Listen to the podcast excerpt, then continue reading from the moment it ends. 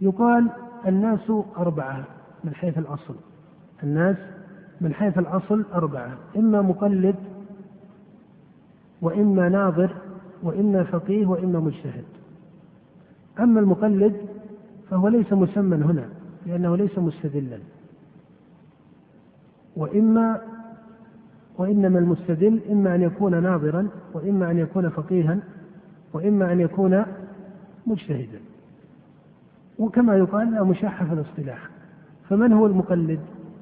المقلد هو من حقيقة كون المقلد هو الفقيه المقلد لمذهب والعامي المقلد كلاهما مقلد هذا ليس منتظما. هذا ليس منتظما على هذه التسوية. فيقال المقلد من لا يملك القدرة العلمية على فهم أقوال الفقهاء. هذا يسمى المقلد المحض وهو من لا يملك القدرة العلمية على فهم أقوال الفقهاء وإنما حقه السؤال. فيسأل أهل العلم وإيش؟ ويجاب. فيسأل عن حكم كذا وفعلت كذا وهل يجوز كذا وكيف أفعل كذا وكيف نصلي وكيف الحج وكيف؟ فهذا حقه الجواب. فإذا المقلد من لا يملك القدرة العلمية على فهم أقوال الفقهاء. فهذا يسمى مقلدا. الناظر وهو من يملك القدرة العلمية على فهم أقوال الفقهاء والاختيار منها. وهذا حال كثير من الباحثين المختصين بأبواب من الفقه وحال كثير من طلبة العلم الذين جالسوا الشيوخ والعلماء فهؤلاء لا يسموا مقلدين التقليد المحض فهم على قدرة أن ينظروا في كتب الفقهاء كتب الفقه المقارن وكتب المذاهب ويرجع إلى بعض الكتب في السنن والآثار والآثار الصحابة كالمصنفات مثلا وما إلى ذلك. فعندهم قدرة على هذا الجمع العلمي. ويعطيك في الأخير أن المسألة فيها ثلاثة أقوال. قال الشافعي كذا واستدل بكذا وقال الحنابلة كذا كما في المغني كما في الأنصاف كما في الفروع. قال المالكية كذا كما في كتب المالكية كمواهب الجليل مثلا أو غيرها قال الحنفية كذا كما في فتح القدير في بدائع الصنائع في المبسوط من كتب الحنفية فيستطيع أن ينظر في كتب الفقهاء ويعرف ماذا قالوا وماذا قالوا من الأدلة على أقوالهم ثم يصل إلى نتيجة مقاربة يراها أقرب إلى الشريعة. فيقول الأقرب عندي هذا القول لأن التنظير له كدليل وكتنظير كمن يصل إلى نتيجة فيرى أن ما قرره ابن تيمية في تحية المسجد أقوى من حيث الدليل وتطبيق القواعد والعام المخصوص والعام المحفوظ. هذا يحصل لكثير من الباحثين. الذي قد ينصرف في بحث ما إلى دراسة كتاب الطهارة أو دراسة كتاب الجنايات من الفقه لكن لا تجد أنه على اطلاع واسع لأبواب الفقه الأخرى إنما قصد إلى مبحث معين خاص. أو كثير من طلاب العلم الذين جالسوا العلماء والشيوخ فتجد أن عندهم هذه القدرة لكنهم ليسوا على أكثر من ذلك. فهذا يسمى إيش؟ لا يسمى مقلدا. هذا يسمى ماذا؟ هذا عنده القدرة على النظر. هذا يسمى ناظر في أقوال الفقهاء. ليس مجتهدا ولا فقيها ولا فقيها لأنه سيأتي الفرق بينه وبين الفقيه ولكن هذا أيضا ليس كالعامي أليس كذلك؟ هذا يستطيع أن ثم في الأخير يصل إلى اختيار. يصل إلى اختيار. هذا الاختيار ليس بالضرورة أنه اجتهاد مطلق. هو اختيار كما قلت حسب ما يقارب من الأدلة عنده. الفقيه وهو درجتان. الدرجة الأولى من من اسم الفقيه من اجتمع له القدرة العلمية على فهم أقوال الفقهاء والاختيار منها أي استكمل رتبة إيش؟ أي استكمل رتبة الناظر. مع معرفته بجمهور الأقوال في مذهب. مع معرفته بجمهور الأقوال في مذهب. وهذا حال كثير من الفقهاء. هذا حال كثير من الفقهاء أتباع المذاهب الأربعة الذين جاءوا في عرض التاريخ. فهم على قدرة يملكون القدرة العلمية. ما هي أي قدرة؟ القدرة إيش؟ العلمية يعرفون مصطلحات العلماء وأدوات العلماء والمصطلحات الأساسية التي هي التأصيل العلمي الأول آه، التي هي أصول علوم الآلة. يعرفون هذه القدرة. هذا مقصودنا بالقدرة العلمية. هذا المقصود بالقدرة العلمية. فيعرفون التأصيل الأول في علوم الآلة في اللغة في أصل علوم الآلة في أصول الفقه. مثلا مصطلحات الأصوليين الصيغ للعموم صيغ يعني يعرفون المصطلح العام. التأسيسي الأول الذي هو في الآن موجود في مختصرات الأصول مختصرات اللغة مختصرات المصطلح إلى آخره. فإذا الفقيه في الدرجة الأولى أو درجة هو درجتان الدرجة الأولى وهي الأدنى. الأولى هي الأدنى. من اجتمع له القدرة العلمية على فهم أقوال الفقهاء والاختيار منها. أي استكمل رتبة إيش؟ الناظر. مع معرفته بجمهور الأقوال في مذهب كمذهب الشافعية فتجد أنهم في جمهور فروع الشافعية قد حفظها.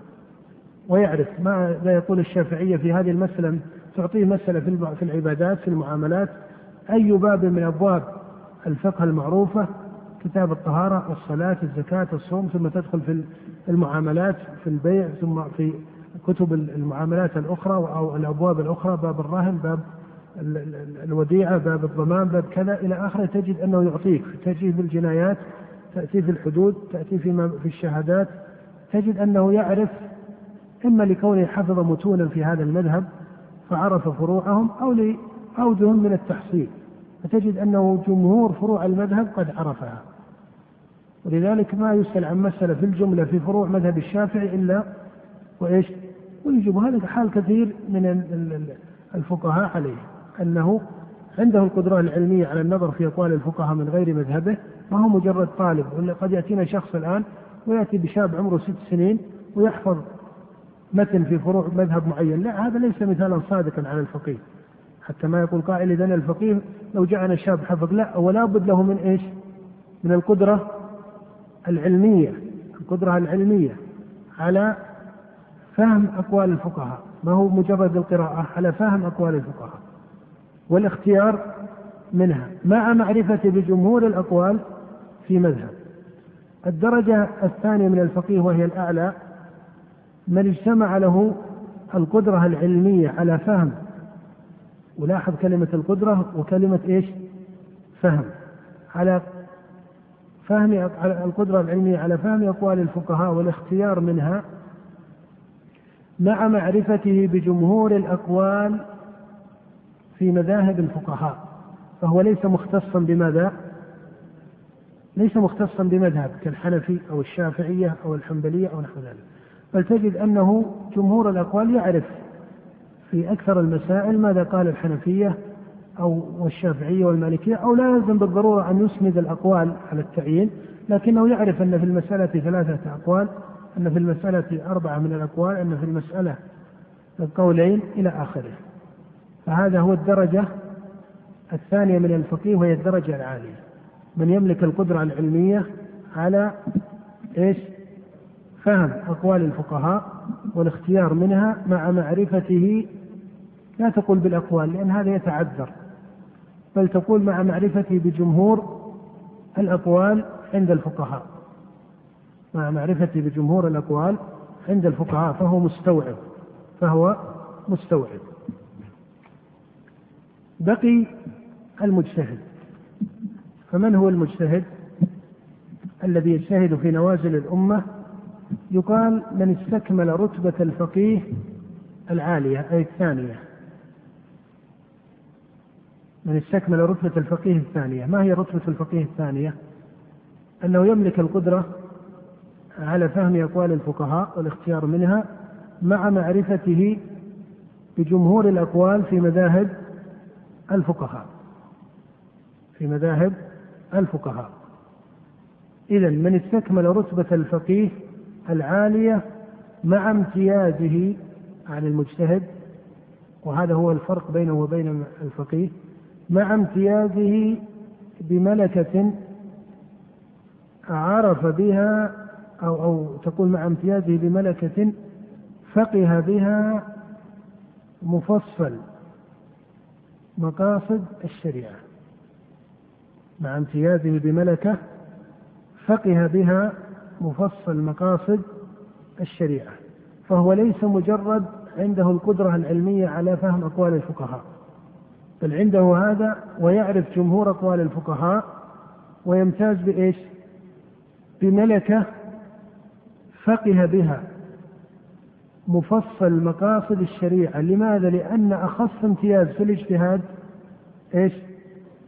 فقه المقاصد المفصل ما هو أنه يعرف مجمل القواعد التي لا يزول بالشك الضرورة الضرر يزال المشقة تجب التيسير هذه كمعلومات جمل تحفظ في في مجلس أليس كذلك؟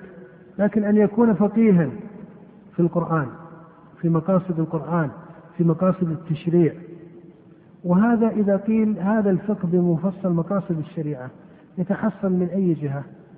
قيل يتحصل من المجموع العلمي عنده سعة المجموع العلمي عنده من نظره في العلوم ويتحصل بدرجة أخص عندي من طبيعته التي خلقه الله عليها بعض الناس عقله ما في ملكة ما في ملكة على فهم المقاصد حامل فقه وليس بفقيه فيه والفقيه في لسان الشارع. ما هو الفقيه في الاصطلاح هنا؟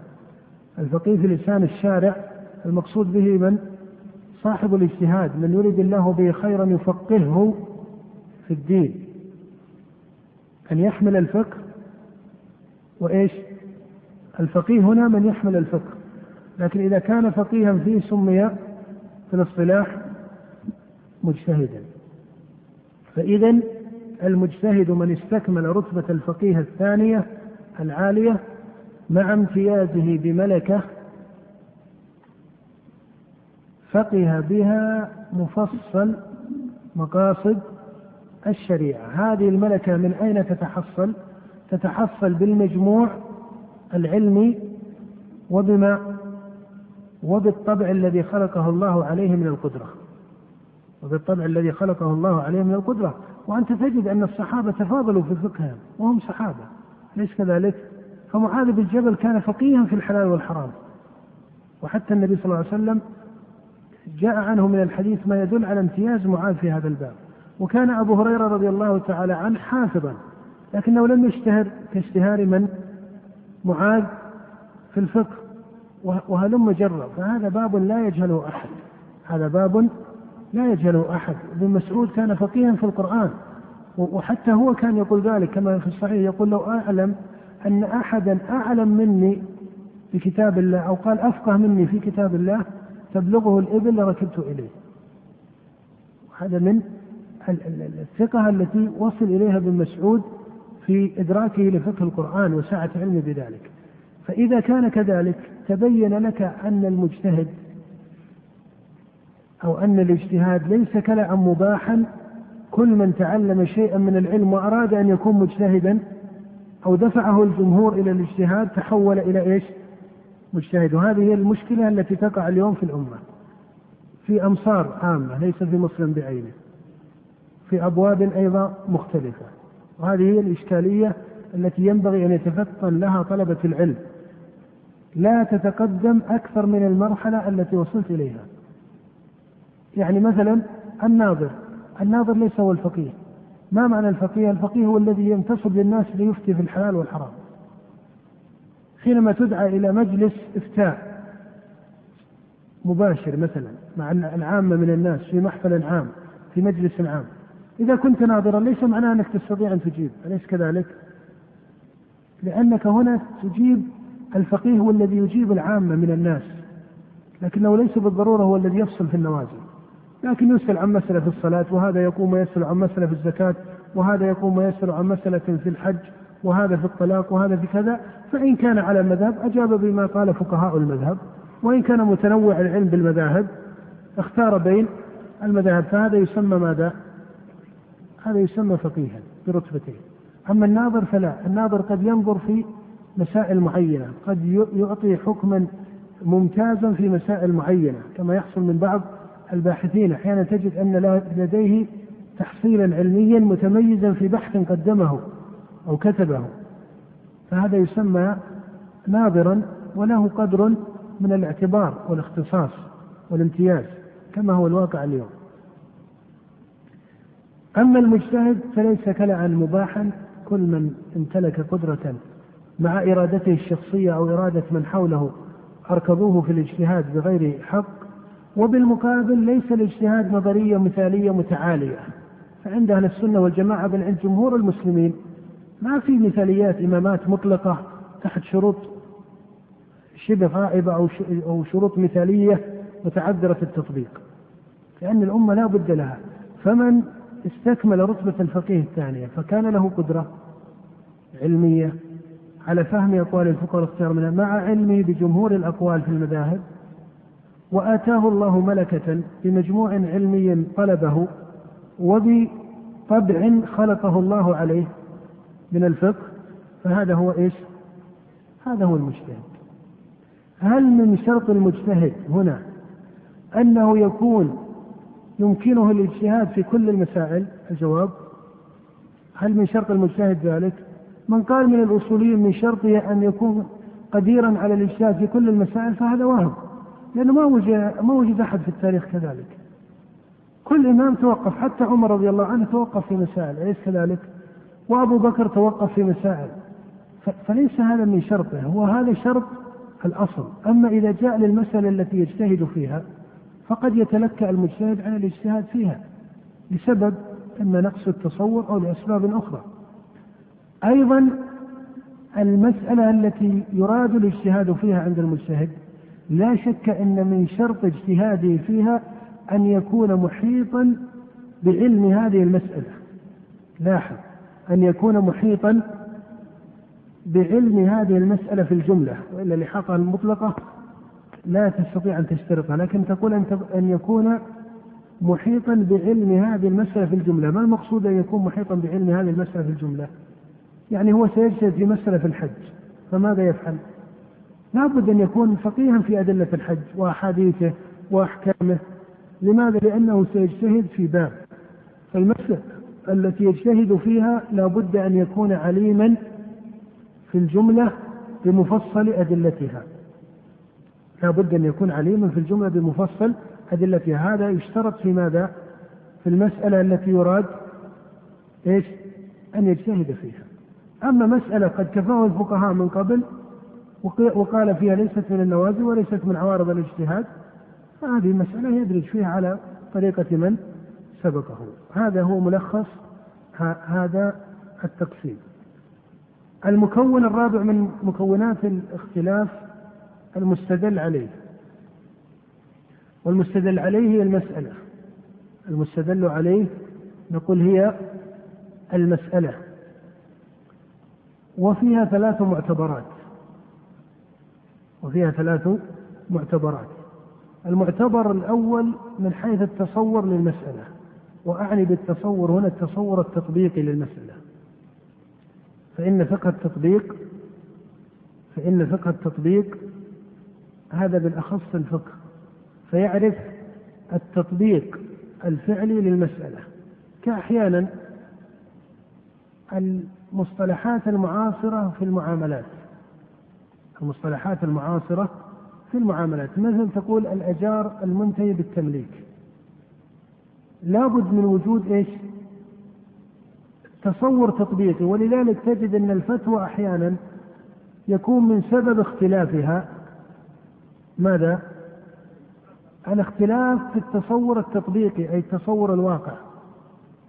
ولذلك ربما جاءت بعض السؤالات من الناس عن بعض أو تجد انه بعض الناس الآن يسألون عبر نظم الاتصال مثلا حكم المساهمة في شركة كذا فتقول له ما طريقة هذه الشركة؟ أو يقول أريد أن أشتري من بنك بطريقة كذا تقول ما الطريقة؟ يقول الطريقة كذا كذا كذا. لو صدق تصوره ها لو صدق تصوره لقلت إن هذا العقد أو هذه المعاملة جائزة بلا جدل. وأحيانا آخر يعطيك تصورا لو صدق تصوره لقلت إن هذا من الحرام البين. وربما ثالث يعطيك تصورا. لو صدق تصوره لقلت إن المسألة أحيانا تكون مما يقبل التردد والاجتهاد فهي ليست بينة التحريم وليست بينة الإباحة. ولذلك المنطق لما قال الحكم على الشيء فرعا عن إيش؟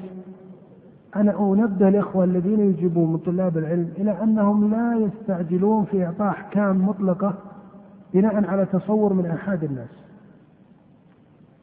إلا إذا كان الذي يتكلم يتكلم عن معرفة.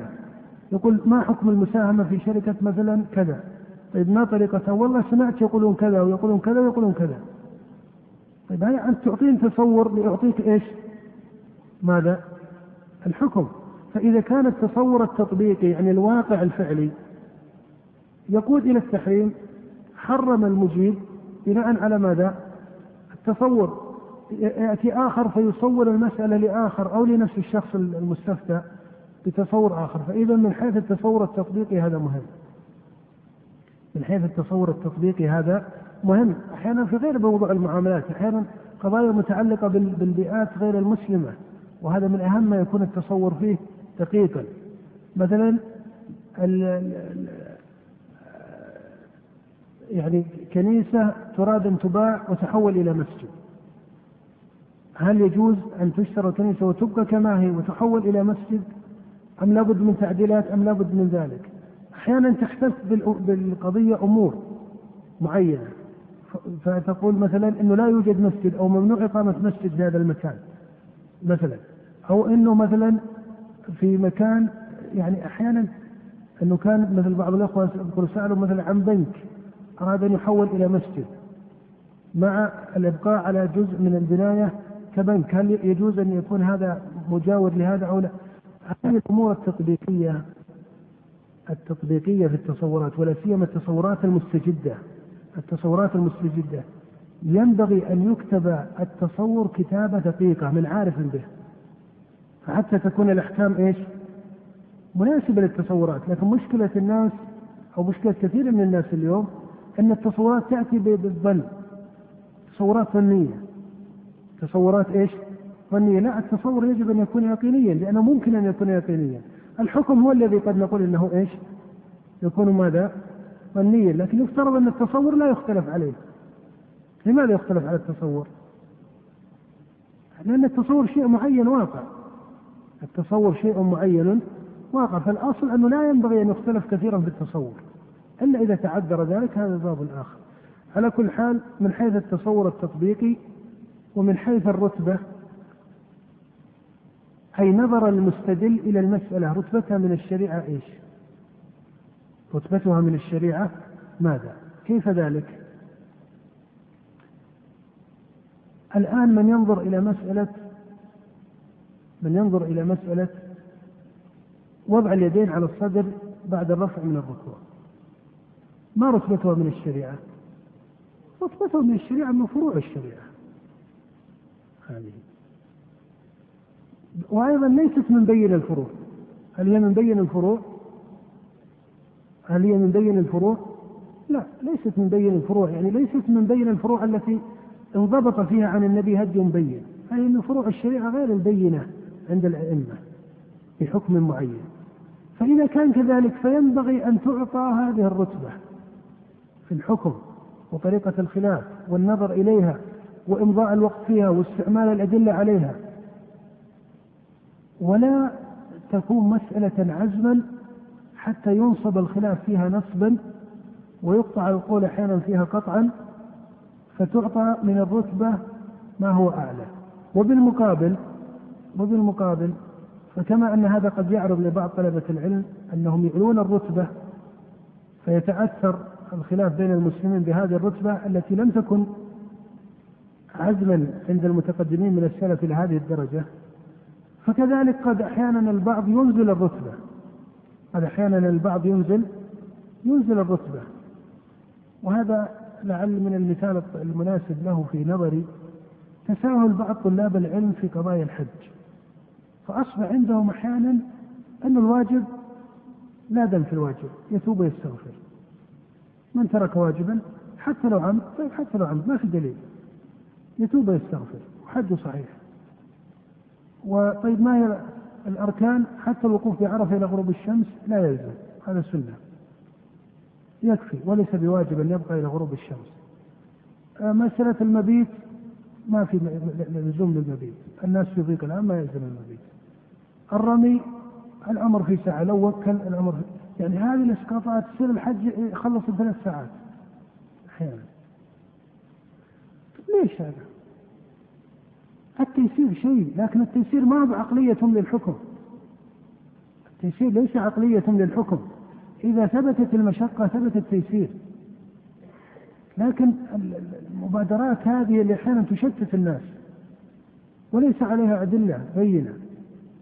كيف تقول إنه يحج ويترك ما شاء من الواجبات والاخير يتوب ويستغفر؟ خلاص وحجه صحيح ولا إثم عليه ولا مؤاخذة عليه ولا نقص عليه. لا تصل هذا. لو أخذت الأمر كقاعدة شرعية لا يوجد عبادة في الإسلام يسوغ فيها ترك العمد إلا بجبران. لا يوجد عبادة في الإسلام في أركان الإسلام يسوغ فيها الترك إلا بإيش؟ بجبران من جنسها. وأنت ترى أن الله سبحانه وتعالى أجرى مسألة الجبران في المناسك بالدماء. وإذا كان الدم يشرع في المحظور الخارج عن ماهية العبادة فمن باب أولى في ماذا؟ فيما هو من ماهية العبادة. وهذا هو التأصيل الذي ذكره بعض كبار الأئمة كشيخ الإسلام ابن تيمية رحمه الله في بعض كتبه. الصلاة في سجدة السهو وما إلى ذلك. المقصود أنه أحيانا إنزال الرتبة هذا أيضا يشكل. إنزال الرتبة هذا أيضا يشكل. من حيث الأصل من حيث الأصل. أنه لابد من فقه المسألة المستدل عليها من حيث الأصل. الأصل قد يكون أصلا عاما مثل الأصل في المعاملات الإباحة أو الحل أو قد يكون أصلا خاصا. فأنت إذا أخذت مسألة لتقرأها فينبغي أن تعرف الأصل في دائرة هذه المسألة. إن كانت معاملة فتقول الأصل العام إيش؟ الحل. هذا أصل. أحيانا هناك أصل أخص من الأصل العام. مثلا إذا أخذت زكاة حلي النساء هل له أصل في باب الزكاة وليس له أصل؟ له أصل. ما هو؟ أن أموال القنية والارتفاق الشخصي الأصل في الزكاة أنها فيها زكاة وليس فيها زكاة؟ ليس فيها زكاة. مثل سيارة الإنسان بيت الإنسان مهما كان مبلغه من المال ليس في زكاة بالإجماع ليس على المسلم في عبده كما قال عليه الصلاة والسلام ولا في فرسه. صدق. هذا أصل. لا يمنع أن أنك تخرج عن الأصل لكن استصحب إيش؟ الأصل. استصحاب الأصل العام والأصل إيش؟ الخاص في الباب. وهذا ترى من أجود الفقه ولا سيما فقه الأصول الخاصة لأن فقه الأصول العامة قد يكون بين وينتهي بكلمات لكن الأصول الخاصة في الأبواب هذا ترى من أهم الأمور. ولذلك نقول من التصور التطبيقي اعتبار البيئة، اعتبار عموم البلوى، الضرورات، الحاجيات، أحيانا الأحكام التي تقبل العوارض في الإسلام مبنية على شروط تتحول هذه الشروط كالجهاد مثلا فإنه يكون في حال مأذونا فيه ويكون في حال إيش؟ موقفا بناء على ماذا؟ على أحوال تحدث في حال المؤمنين أو حال المسلمين أو ما إلى ذلك